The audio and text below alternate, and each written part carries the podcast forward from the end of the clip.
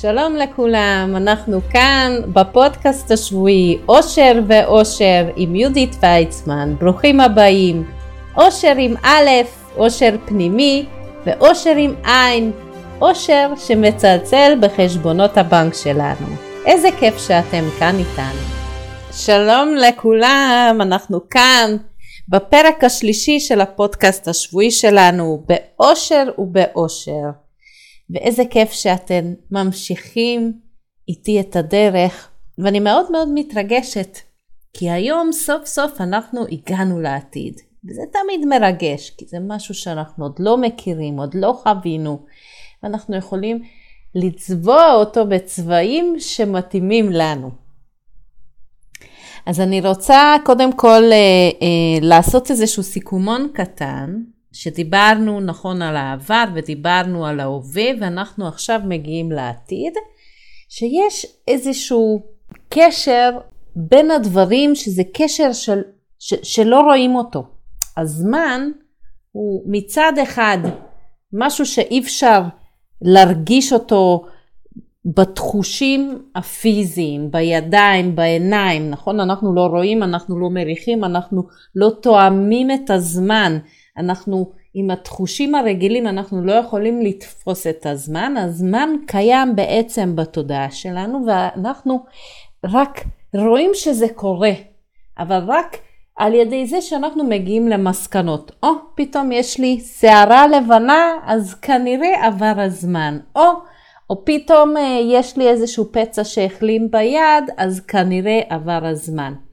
Uh, כלומר, תפיסת הזמן שלנו הוא מבוסס על, אה, על המסקנות ועל ה, על החוויות שלנו. ולמה אני מדברת על זה בעצם? כי העתיד זה בין כל הזמנים של העבר וההווה, העתיד עוד יותר אשלייתי. כי זה עוד לא קרה, נכון? ואני לא יודעת מה יקרה. יש לי ציפיות, כי עשיתי כל מיני פעולות בעבר ובהווה אני עושה פעולות לטובת העתיד שלי, אבל זה עדיין זה שם. ותמיד יכול לקרות משהו שמעכב את הדרך, מעכב את התוצאות, או לא מעכב בכלל. יש סטייה מהדרך ו- ואני מגיע למקום אחר. אז העתיד הוא המקום הכי הכי לא ידוע. אז מצד אחד, אם אנחנו מדברים על החלק שלילי בדבר זה הכי מפחיד, כי זה בלתי צפוי, אנחנו לוקחים את המסקנות שלנו, שאנחנו מכירים את העולם ואיך זה אמור לקרות, אבל בשנים האחרונות אנחנו כבר הבנו, גם הקורונה ובכלל כל הדברים המופ... המפתיעים שקורים לנו, שגם אם יש לנו איזושהי ציפייה לאיזושהי תוצאה או איזשהו סדר אה, חיים, זה יכול להשתנות מרגע לרגע, ומה שחשבתי שיקרה בכלל לא יהיה רלוונטי. דברים שהשקעתי זמן ואנרגיה כדי לבנות אותם, במהלך לילה אחד הכל יכול להשתבש ולהפוך ללא רלוונטי. אז כשאנחנו בונים את העתיד שלנו, ואני מדברת גם על הכסף כמובן, אז זה משהו שאנחנו מניחים הנחות. עכשיו, מה הבעיה עם ה... להניח הנחות שלא מבוסס על, על תוצאות או על נתונים שאפשר למדוד אותם? כמובן, בעולם שלנו יש דברים שאפשר למדוד. גם את הזמן אפשר למדוד, ובקשר לכסף יש דברים שאנחנו יודעים, ואם העולם שלנו לא משתנה מקצה לקצה, אז אנחנו יכולים לצפות שדברים יקרו. בואו ניקח לדוגמה, אם אני מכניסה לאיזושהי תוכנית חיסכון כסף מסוים, ובוא נגיד זו תוכנית שנותן לי אה, ריבית קבוע, אז אני, אני מצפה שבסוף התוכנית אני אדע בדיוק כמה כסף יהיה לי, כי אני יכולה לחשב, יש לזה מחשבונים שאני מכניסה, כמה אני מכניסה, לכמה זמן, כמה ריבית, מה אני אקבל בסוף. אוקיי? ו- וזה רק במקרה שאני הולכת על משהו קבוע ושום דבר לא משתנה בפרמטרים של הדבר הזה.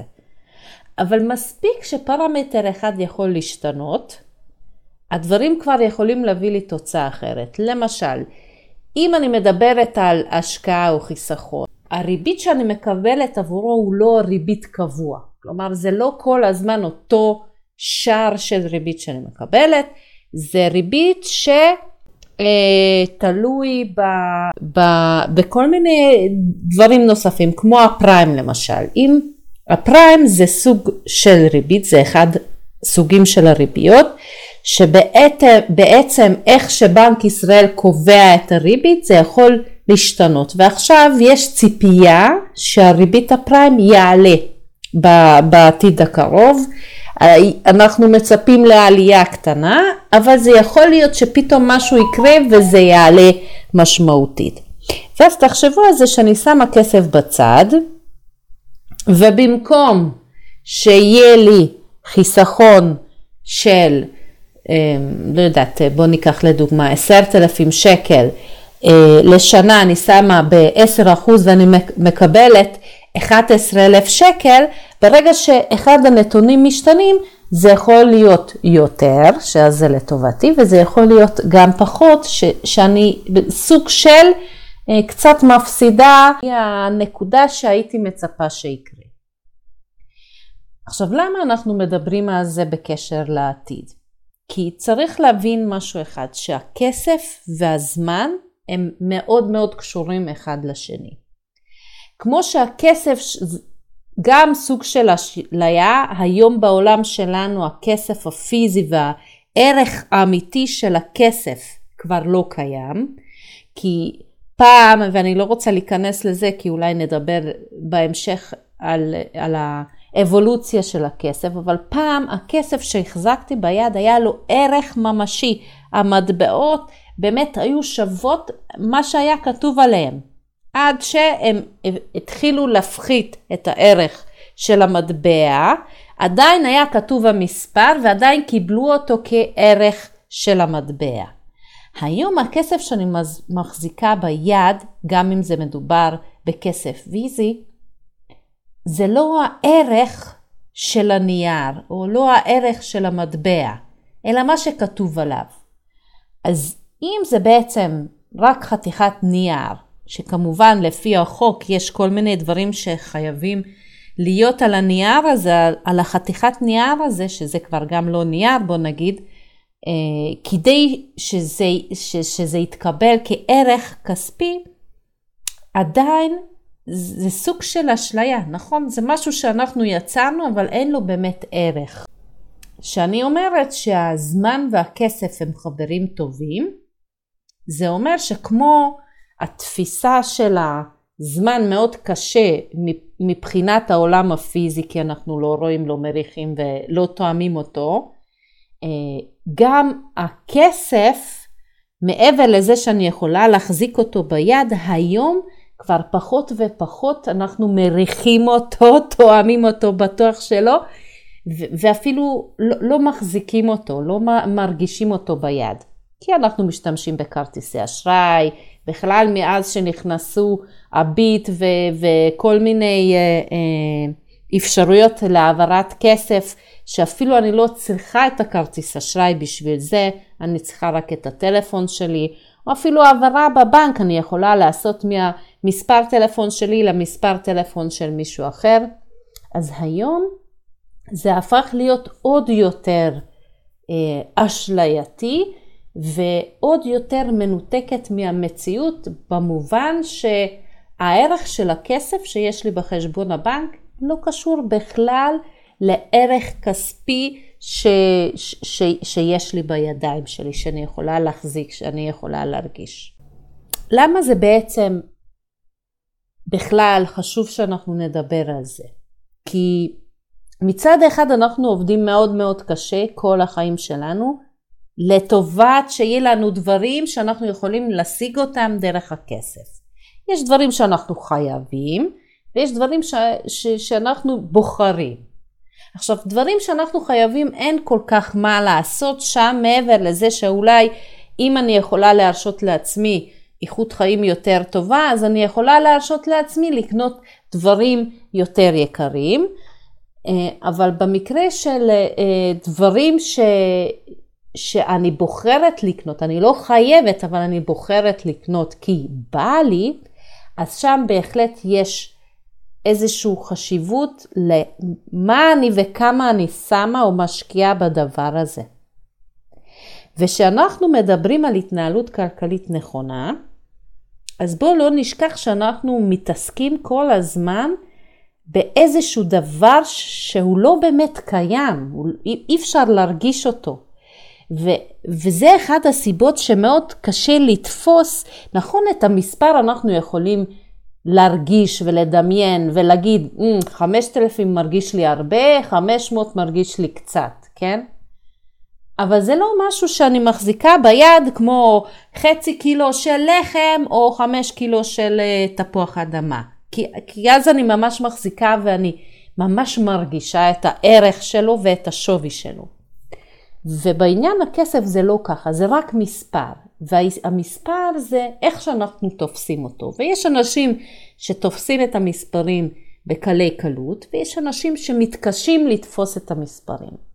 עכשיו במקרה הזה ש, שאנשים שנמנעים בכלל להתעסק עם מספרים, כי אולי יש להם חוויות אה, לא, לא כל כך טובות אה, בשיעורי מתמטיקה בבית ספר, ואז כל מה שקשור למספר הם אומרים לא, לא, זה לא בשבילי, ואז כמובן מכיוון שהיום הכסף קשור למספרים, אז מראש הם נמנעים מלהתעסק עם זה.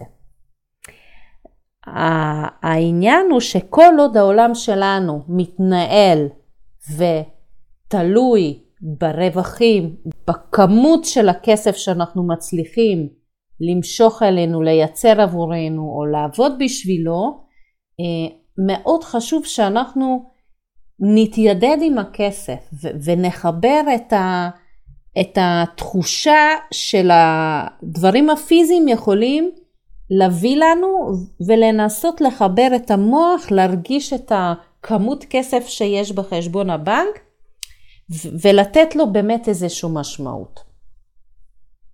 עכשיו, למה אני נכנסת בכלל לזה? כי כשאנחנו מגיעים להחלטות כלכליות, נכון שאנחנו יודעים במודע שאו, עשרת אלפים שקל זה משהו שמאוד מאוד משמעותי, זה יכול להיות uh, משכורת אה, בשביל בן אדם, אבל בכל זאת בתת מודע, בתת מודע, אנחנו לא באמת תופסים את הערך של הכסף כמו שאנחנו תופסים את הדברים הפיזיים שאנחנו יכולים לגעת בהם. תחשבו על זה שאם אתם, ממה יותר מרגש אתכם? לראות 5,000 שקל בחשבון הבנק או, או להחזיק 5,000 שקל ב... ביד שלכם. נכון? זה מרגיש הרבה יותר אמיתי. המוח שלנו קולט את זה הרבה יותר בקלות שאנחנו מחזיקים את זה. עכשיו, איפה הבעייתיות? שהיום העולם שלנו הולך ופחות ופחות מעודד את השימוש בכסף הפיזי. שזה אומר, אה, מי שמודע או לא מודע, אז אני מציינת פה שיש חוק במדינת ישראל, שמטרתו לצמצם את העסקאות במזומן ומגדיר לנו את כמות הכסף שאנחנו יכולים בכל עסקה ועסקה באופן אה, מזומן אה, להעביר מבן אדם אחד לשני. עכשיו, ככל שהעולם שלנו הולך ומתחיל להתפתח בכיוון שגם הכסף הופך להיות לגמרי משהו אלקטרוני, לגמרי משהו וירטואלי, משהו אשלייתי לגמרי, אז אני אומרת שבתת מודע זה משפיע עלינו כי השליטה והתחושה של, ה, של השייכות, שזה שלי ו, ו, ואני מחליטה, יש איזשהו ניתוק. ו, ובתת מודע שאני מוציאה כסף ואני משתמשת בכרטיס אשראי או אני מעבירה ביט או, או שאני פשוט עושה העברה בנקאית, אז הכסף הזה, בהרבה יותר בקלות אני יכולה להיפרד ממנו, כי אין, אין לי איזשהו חיבור אליו. נכון, אני מסתכלת בחשבון הבנק, אני יכולה אפילו חמש פעמים להיכנס בחש... ולראות בחשבון הבנק כמה כסף יש לי כל יום. אבל זה לא כמו להחזיק את המטבעות או את השטרות ביד שלי. וכשאנחנו מדברים על העתיד, אני מדברת על כמה אופנים. אחד, שאם אנחנו בצמיחה כלכלית, אז הכסף שלנו יכול לגדול בצורה אקספוננציאלית, בצורה מאוד משמעותית, כמו קפיצות גדולות אה, בדרך, אם אנחנו עושים את הדברים בצורה נכונה, ואם אנחנו מכינים תוכניות שמביאים אותנו ליעדים. כמובן, לשים בצד שתמיד יש פרמטרים שקוראים לזה סיכונים בדרך, שיכולים לשבש, לשבש את התוכניות שלנו. אבל מצד שני, אם אני לא בצמיחה, אלא אני בגירעון, אני בהידרדרות כלכלית, כלומר אני יוצרת כל הזמן חובות ומינוס, זה גם משהו שמצטבר ולטווח הארוך בעתיד זה גם יכול להגדיל את המינוס ואת הגירעון שלי באופן אקספוננציאלי ודיברנו על זה בפרק הקודם שבעצם יש כל הנושא של החיווי אשראי שהיום כבר הכל ידוע עלינו, על ההתנהלות הכלכלית שלנו, על כמה כסף יש לנו ואיפה, וכמה כרטיסים, ואיפה אנחנו קונים ומה אנחנו קונים. אז היום שאנחנו במקום טוב, זה יכול להביא אותנו בקלי קלות למקום מצוין, ולהפך, ברגע שאנחנו במקום לא טוב, זה יכול להביא אותנו למקום מאוד מאוד גרוע, גם בצורה מהירה. אז אני לא רוצה להיות פה עכשיו פסימית, ובכלל אני לא בן אדם פסימי, ואני מאוד מאוד מעודדת כולם להיות אופטימי. ושאנחנו מחזיקים בראש שלנו איזושהי תמונה שמייצר לנו עתיד שהוא טוב יותר, ואני מכוונת את המחשבות שלי, ודיברנו על זה בפרק הראשון, שהמחשבות שלי יוצרות את המציאות שלי, ואם אני מתרגמת את העולם שלי כמשהו שהוא טוב וחיובי ומתקדם לכיוון הנכון, אז אני מייצרת לעצמי תוכניות שמקדמות אותי, וככה זה גם משפיע על הכסף שלי. ומה שטוב בטכנולוגיה של היום, מעבר לזה שאולי יש אנשים שקצת אה, מפחיד אותם כל העניין הטכנולוגיה, ואני מאוד מאוד ממליצה להתיידד, היום יש אין ספור קורסים שאפשר לקחת ויש אנשים שיושבים ומלמדים ופשוט נפלא לראות אה, אה, אנשים מבוגרים אפילו שהופכים להיות ממש טכנולוגיים. אז מה שהבשורה הטובה כאן, שכמו שהשינוי יכול לבוא בקלי קלות והצמיחה יכול להיות אקספוננציאלית, בעצם לא הדרגתית לינארית, אלא משהו מאוד מאוד מהיר, אז גם השינוי יכול להיות מאוד מהיר ומאוד משמעותי. ואיפה זה בא לידי ביטוי? בנקודת זמן שבן אדם מחליט שדי, מה שהיה עד עכשיו זה לא מתאים והוא רוצה משהו אחר. וברגע הזה הוא מחפש פתרון. והוא מחפש ידע, והוא מחפש פרקטיקה, לדעת מה לעשות ואיך לעשות. וברגע שהוא מחליט ש, שהוא רוצה שינוי והוא הולך ולוקח את הצעדים הראשונים כדי לממש את, ה, את השינוי הזה, הוא בונה יעדים, הוא בונה תוכניות והוא מתחיל ללכת בדרך, בעולם היום להגיע ממקום לא טוב למקום מאוד מאוד טוב, זה יכול להיות עניין של זמן מאוד מאוד מאוד קצר. כלומר, ככל שזה מפחיד אותנו שהעולם הופך להיות וירטואלי, ברגע שאני מכירה את החוקים של איך הדברים מתנהלים גם מבחינת הכסף, איך מנהלים את הכסף ואיך אני מצמיחה את הכסף שלי בצורה נכונה ומהירה, אז השינוי יכול לבוא בקלי קלות. עכשיו, למה חשוב למשל לקחת אה, איזשהו ידע מאנשים שכבר עשו דרך ויש להם ניסיון, כי כמו שהשינוי יכול להיות לטובה במהירות, זה גם החלטות לא נכונות יכולות להביא אותנו למקומות ממש לא טובים. אז לסיכום, כסף וזמן הם חברים טובים, גם לטוב וגם לרע.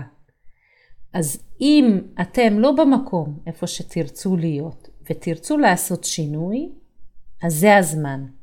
וכל רגע ורגע אתם יכולים להחליט שעד כאן אתם רוצים משהו אחר ואתם מתחילים דרך חדשה. וכל יום אפשר להתחיל את הדרך החדשה ולא צריך לחכות למחר. אם אנחנו מחכים למחר זה אומר שאנחנו לא מתחילים. זה כמו הדיאטה. טוב, אני אתחיל לעשות אה, דיאטה ממחר, היום אני עוד מרשה לי לאכול אה, חפיסה שלמה של שוקולד, ועוד אני אוכלת גלידה ואני אוכלת גם צ'יפס וקצת ברקסים וזה, כי מחר בכל מקרה אני אתחיל את הדיאטה. ואז אני קמה מחר בבוקר ואני אומרת, אוף, אני עייפה, כי אכלתי כל כך הרבה פחמימות שיש לי נפילות סוכר. אני לא יכולה להתחיל את הדיאטה עכשיו, אני חייבת להתאושש קצת. אז עובר עוד יום ועוד יום ועוד יום. אז כל שינוי כזה כמו בדיאטה זה בדיוק אותו דבר גם בעניין הכלכלי. אם אני רוצה שינוי, אני מחליטה שאני עושה את זה ברגע הזה ואני פשוט עושה את זה. ואני לוקחת כל פעם צעד אחד קטן. כמו שדיברנו בפרק הקודם, שאני רק מתמקדת בצעד הבא. אני בונה את התוכנית ומתמקדת רק בצעד הבא. בצעד הזה שאני לוקחת עכשיו. אז חברים יקרים, אני מעריכה את הזמן שלכם, ואני מקווה שאתם נהניתם. העתיד שלנו פתוח, ואני מאחלת לכל אחד להגשים את העתיד הטוב שלו, ומי שמעוניין לקחת ליווי לדרך ולבוא איתי ביחד, אני יותר מאשמח. נתראה בפרק הבא. ביי לכולם.